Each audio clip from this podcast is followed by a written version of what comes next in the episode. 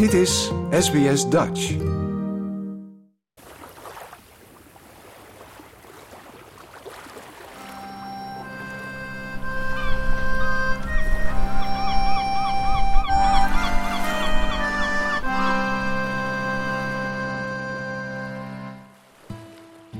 Dit is Aan Boord, de serie die je meeneemt op de eerste reizen van de VOC naar Australië. Reizen naar het onbekende continent vol avontuur, chaos en vindingrijkheid. Deze podcast is gemaakt voor SBS Dutch door Nina van Hattem en door mij, Frank Turkenburg. Elke aflevering nemen wij je samen met een expert mee aan boord bij een ander schip. Dit is aflevering 1, Duifke en het eerste contact. Een verhaal over ontdekkingen, ontmoetingen en conflict.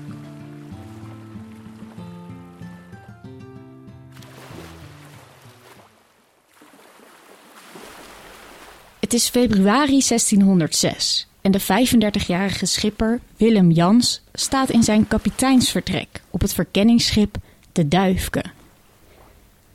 Het is donker en er valt weinig licht door de kleine raampjes. Kaarsen, gemaakt van dierenvet, flikkeren in het licht. En Willem kijkt geconcentreerd naar een grote kaart. Hij gaat met zijn vinger over het papier en volgt de getekende kustlijn.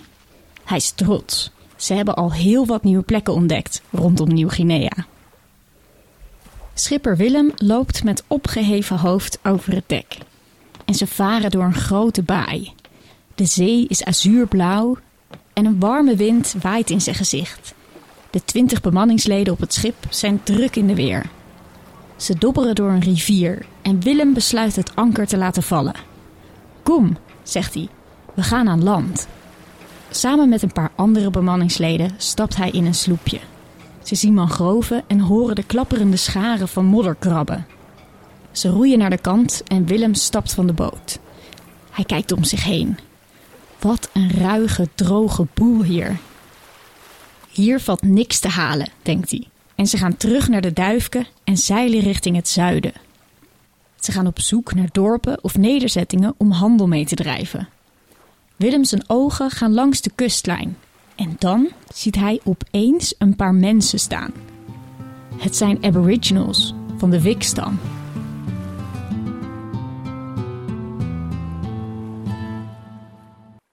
Zonder dat schipper Willem het weet, zet hij in 1606 met zijn bemanning als eerste westerlingen voet op Australië. Hij dacht te zijn aanbeland bij een onontdekt eiland van Nieuw-Guinea. Maar niets was minder waar. Hij stond op het onontdekte land Australië. Hoe kwamen ze daar terecht? Dat weet historicus Benno van Tilburg, een echte duifkenfanaat. Mijn collega Nina sprak hem over deze bijzondere tocht. Ik vind het heel bijzonder dat zo'n duifke, een klein scheepje van 24 meter, van hout, uh, dat dat scheepje gewoon overal naartoe kan varen. Dat die Nederlanders dat betreft toch zo uh, durf al waren, dat ze dachten van we gaan gewoon met een scheepje en we gaan gewoon varen en kijken wel waar we uitkomen. Dat mensen dat durfden en dat deden, dat vond ik wel heel bijzonder. En kan je vertellen wat het doel van de duifke was? Ja, nou, de duifke dus in de 17e eeuw was natuurlijk heel veel land onontdekt. Dus met die schepen had je natuurlijk niet een hele goede uh, kompas en je wist niet precies goed de lengte en de breedtegraden waar je precies was op die hele grote waterplas. En je voer eigenlijk via kust naar kust. En zo kon je een beetje de wereld in kaart brengen. Dus je kreeg een opdracht van de VOC. Ga eens een beetje varen en ga eens een beetje het land verkennen. En zo kwam die duivel dus eigenlijk ook in opdracht van ga eens de omgeving verkennen in 1606. En dat scheepje ging dus zeg maar varen in die uh, Indonesische archipel in Nieuw-Guinea om te kijken van ja, wat voor eilanden zijn er? En als je aankomt bij zo'n eiland, wat valt er eigenlijk voor die Nederlandse bemanning te halen? Want de VOC was natuurlijk een ontzettende handelsmaatschappij. En die wilde dus eigenlijk constant de buurt in de gaten houden, maar ook gewoon kijken wat valt er te halen voor de VOC. Wat voor producten, of het nou nootmuskaat is, peper, zout, uh, andere producten, hout, noem maar op om dat uiteindelijk mee te nemen met die schepen weer terug naar de Nederlandse moedersituatie. En dat verkopen over de wereld. Kijk, ze hadden op dat moment in 1606, 1605, 1606, hadden we natuurlijk nog niet Batavia gesticht. Dus we hadden geen plek waar we zeg maar vandaan, vandaan konden en weer konden vertrekken. Want Batavia zelf, Jakarta tegenwoordig, dat is pas in 1619 is dat zeg maar uh, aangelegd met, met een kasteel. En pas daarna, 20 en 30 jaren, werd het echt de plek waar de VOC zeg maar vandaan en naartoe kwam. Maar in 1605, 1606 was er eigenlijk helemaal niks. Dat was het begin van de VOC-periode. Dat was totaal onbekend terrein voor de Nederlandse uh, types. De bemanningsleden van de Duifke hadden geen idee wat ze te wachten stond. En voeren naar een deel van de wereld wat nog niet in kaart was gebracht. Terra incognita, het onbekende terrein. En zonder het te weten kwamen ze aan land in Australië. Nou ja, ze hadden natuurlijk een aantal kaarten meegekregen vanuit de VOC-periode. En in die beginperiode waren die kaarten natuurlijk helemaal niet accuraat. Die waren uh, vrij witte plekken. Dus ze dachten van, we gaan naar Nieuw-Guinea. En al varende kwamen ze bij een gebied wat ze niet kenden. Waarvan ze dachten, hé, hey, dit is Nieuw-Guinea. Maar dat bleek dus niet Nieuw-Guinea te zijn, maar Australië. En waarom bleek dat Australië te zijn? Omdat ze toen ze voor anker gingen in dat gebied en aan wal gingen, het strand opkwamen, in contact kwamen met de lokale bevolking. En dat waren de Aboriginals.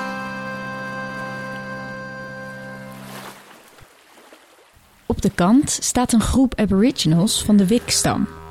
Hun voetjes in het zand en ze kijken uit over de azuurblauwe zee. En dan zien ze in de verte iets aankomen. Zoiets hebben ze nog nooit gezien. Een groot houten ding komt hun kant op en erop staan witte mannen. Het schip beweegt over het water richting hun land. Hun land bestaat uit kustmoerassen, mangroven en dorstige rivierbeddingen. En hun semi-nomadische leven speelt zich af in de wilde natuur. De wikmensen zien de witte mannen voor anker gaan. Ze komen hun land op, kruisen een rivier en komen op ze af. Daar staan ze, oog in oog bij Kaap Keerweer. De Nederlanders en de Wikmensen.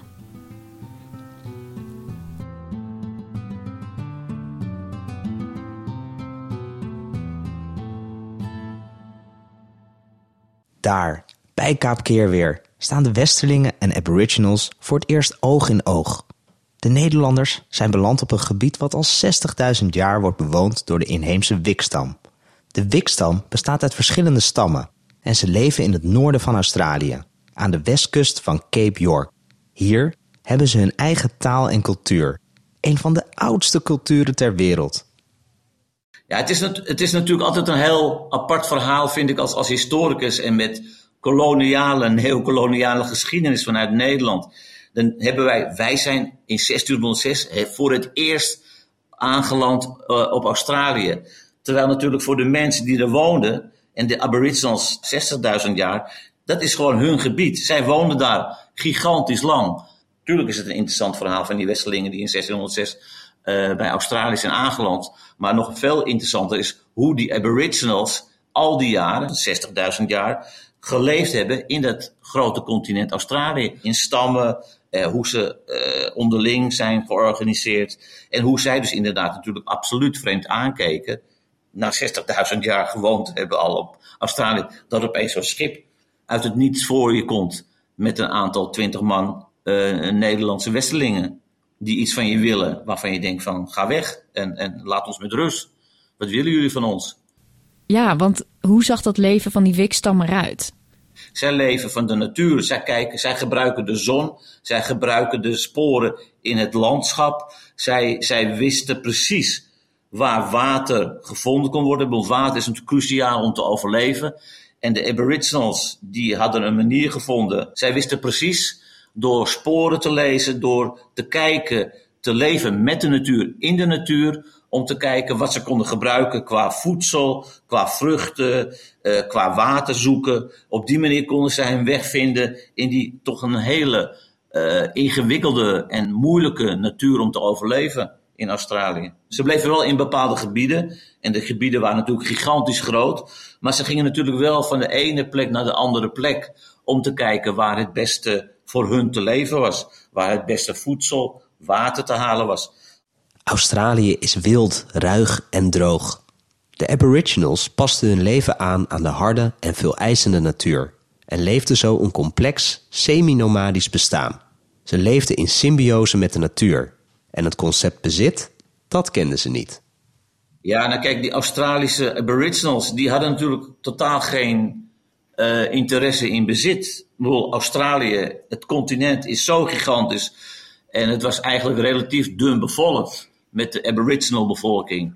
Dus bezit telde niet, want je had geen bezit nodig. Ik je had geen geld nodig, je had geen huizen bouwen, stenen nodig om dingen te overleven. Nee, je gebruikte gewoon wat je kon gebruiken voor jou, voor je gezin, uh, wat er in de omgeving te vinden was. En dat ging over eten en drinken en af en toe inderdaad bescherming om je af te schermen van, van eventueel wilde beesten. Maar voor de rest had je dus niks nodig. Land was niet zo aantrekkelijk. Ja, het was hun land omdat ze daar woonden. En zij weten dus als, als Aboriginals uh, precies hun weg te vinden. En weten precies te doen en niet te doen om te overleven in die, in die uh, toch wat uh, heftige natuur van Australië.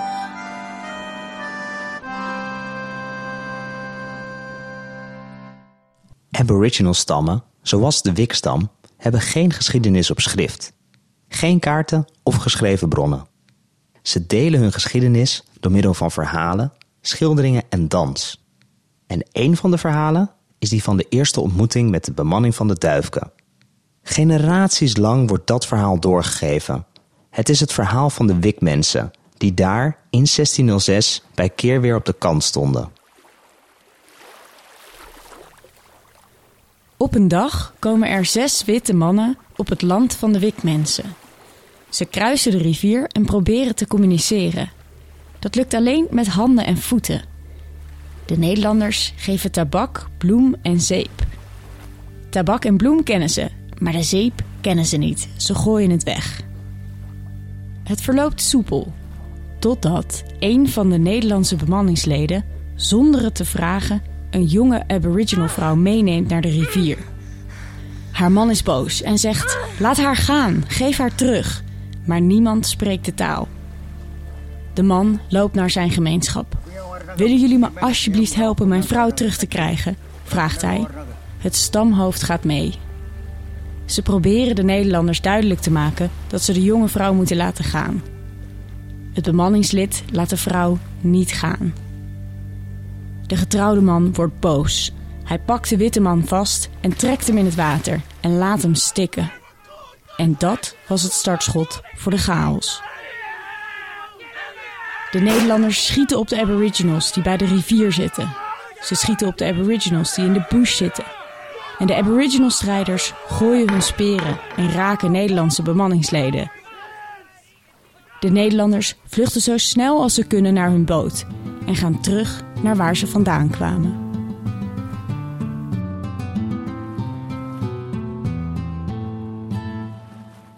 De eerste ontmoeting verloopt dus niet zo soepel.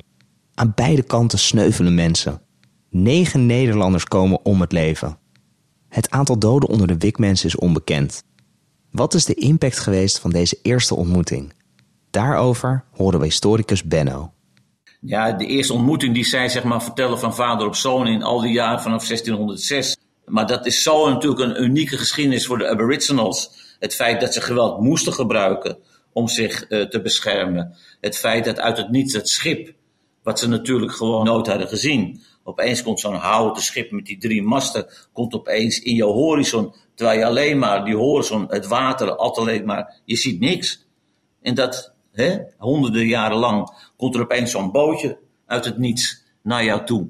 En sterker nog, er zitten mensen op, witte mensen die je nog nooit gezien hebt, die naar je toe komen. En dat verhaal vertellen ze dus op vader op zoon. En dat verhaal gaat dus oraal honderden jaren verder, tot en met de dag van vandaag. En wat gebeurde er na de ontmoeting? Nou ja, dat is, dat is vrij vaag, omdat die Nederlanders natuurlijk, ik denk al de vermoorde Nederlanders, dat was natuurlijk al gauw een, een soort bloedbad. En, en waarschijnlijk met knuppels die de Aboriginals hadden, zijn, zijn die Nederlandse de hersens ingeslagen. En toen hebben die uh, Nederlanders gewoon eieren voor hun geld gekozen en dachten van ja, dit gaan wij niet redden. En zijn weer vertrokken en dachten van nou, daar komen we dus nooit meer terug, want dit is geen vriendelijk volk. Terwijl zij natuurlijk de aanleiding zelf hebben gegeven. Dus wat dat betreft denk ik dat ze dachten van ja, de, de, die, die volken die daar wonen op dat gebied, of het nou Nieuw-Guinea is of iets anders, dat zijn niet de mensen waar we mee in contact moeten komen. Te gevaarlijk, te lastig, gaan we niet doen. En volgens ons, volgens die Nederlands, is er ook niks te halen voor onze opdrachtgevers. Dus laat maar gaan, we gaan weg. Ja, dus ze dachten eigenlijk hier valt niets te halen, maar ze hadden wel een nieuw deel van de wereld ontdekt. Wat is daar het effect van geweest, denk je? Uit het standpunt gekeken van de VOC en, en, en het feit van de, de, de ontwikkeling van de VOC en de rijkdom voor Nederland, is het natuurlijk iets gigantisch geweest, toch eigenlijk wel. Het feit dat wij als Nederlanders als eerste uh, Australië hebben ontdekt, tussen haakjes, vanuit de westerse opinie gezien het is natuurlijk maar een soort, soort stipje op de, op de wereldgeschiedenis. Maar de Nederlanders, in dit geval de VOC, hebben wel ervoor gezorgd dat steeds meer van de onbekende wereld in kaart werd gebracht. De wereld die wij hebben, de aarde, is min of meer ook mede door die Nederlandse ontdekkingsreizen van 1606 tot verder in de 17e eeuw, is het wel op die manier uh, bekender gemaakt. En wat is de erfenis geweest voor de originele bewoners? Nou ja, voor de originele bewoners ja, is het eigenlijk natuurlijk alleen maar vreselijk. Want de, de, de, het feit dat vanaf 1606, en dan hebben ze twee eeuwen rust gehad, toen kwam Captain Cook en de Engelsen. En vanaf die tijd is het voor de oorspronkelijke bewoners van Australië in dit geval eigenlijk alleen maar bergafwaarts gegaan. Voor de Aboriginals veranderde alles toen Captain Cook in 1770 naar Australië kwam. De Britse kapitein zeilde op 29 april dat jaar Botany Bay binnen, het huidige Sydney, en verklaarden het tot Brits grondgebied. Ze koloniseerden het continent, namen ziekte mee en vermoorden een groot deel van de inheemse bevolking. Die zijn vermoord en, en die zijn in aanraking gekomen met westerse ziekten. Dus daar konden ze ook niet tegen. Door de, door de overweldigende hoeveelheid van die Westelingen, de Engelsen, uh, konden ze daar niet uh, tegengas tegen geven, helaas tot op de dag van vandaag is het inderdaad uh, uh, een, een, ja, een gelopen zaak eigenlijk. Ja, want wat merken we daar vandaag de dag nog van? Je merkt het nog steeds, omdat het natuurlijk maar een klein percentage van de oorspronkelijke bevolking nog, nog woont en leeft in Australië, zijn het natuurlijk een minderheidsgroep. En dus die hebben niet een grote stem in het hele verhaal van Australië. En als Aboriginals in het nieuws komen, dan is het negatief vanuit de Aboriginals dat er weer een probleem is. Dus ze worden nu gewoon gezien als een probleemminderheid.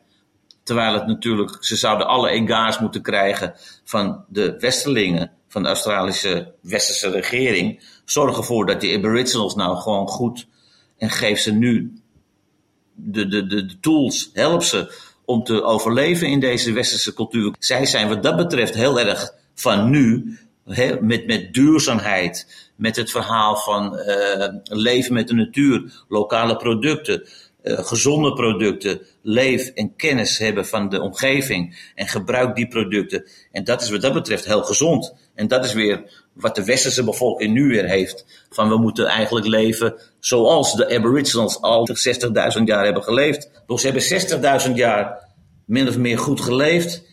En de laatste 400 jaar, dat is eigenlijk maar een stip in die 60.000 jaar, is dat helemaal misgegaan. Dankzij als eerste die Nederlandse uh, reis van de duiven. Dit was Aan Boord. Een serie gemaakt voor SBS Dutch door mij, Frank Turkenburg en Nina van Hatten. Met dank aan Benno van Tilburg. Volgende week hoor je aflevering 2 de erfenis van de eendracht.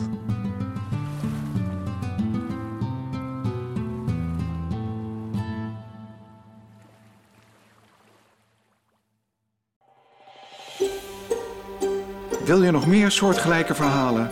Luister via Apple Podcasts, Google Podcasts, Spotify of waar je je podcasts dan ook vandaan haalt.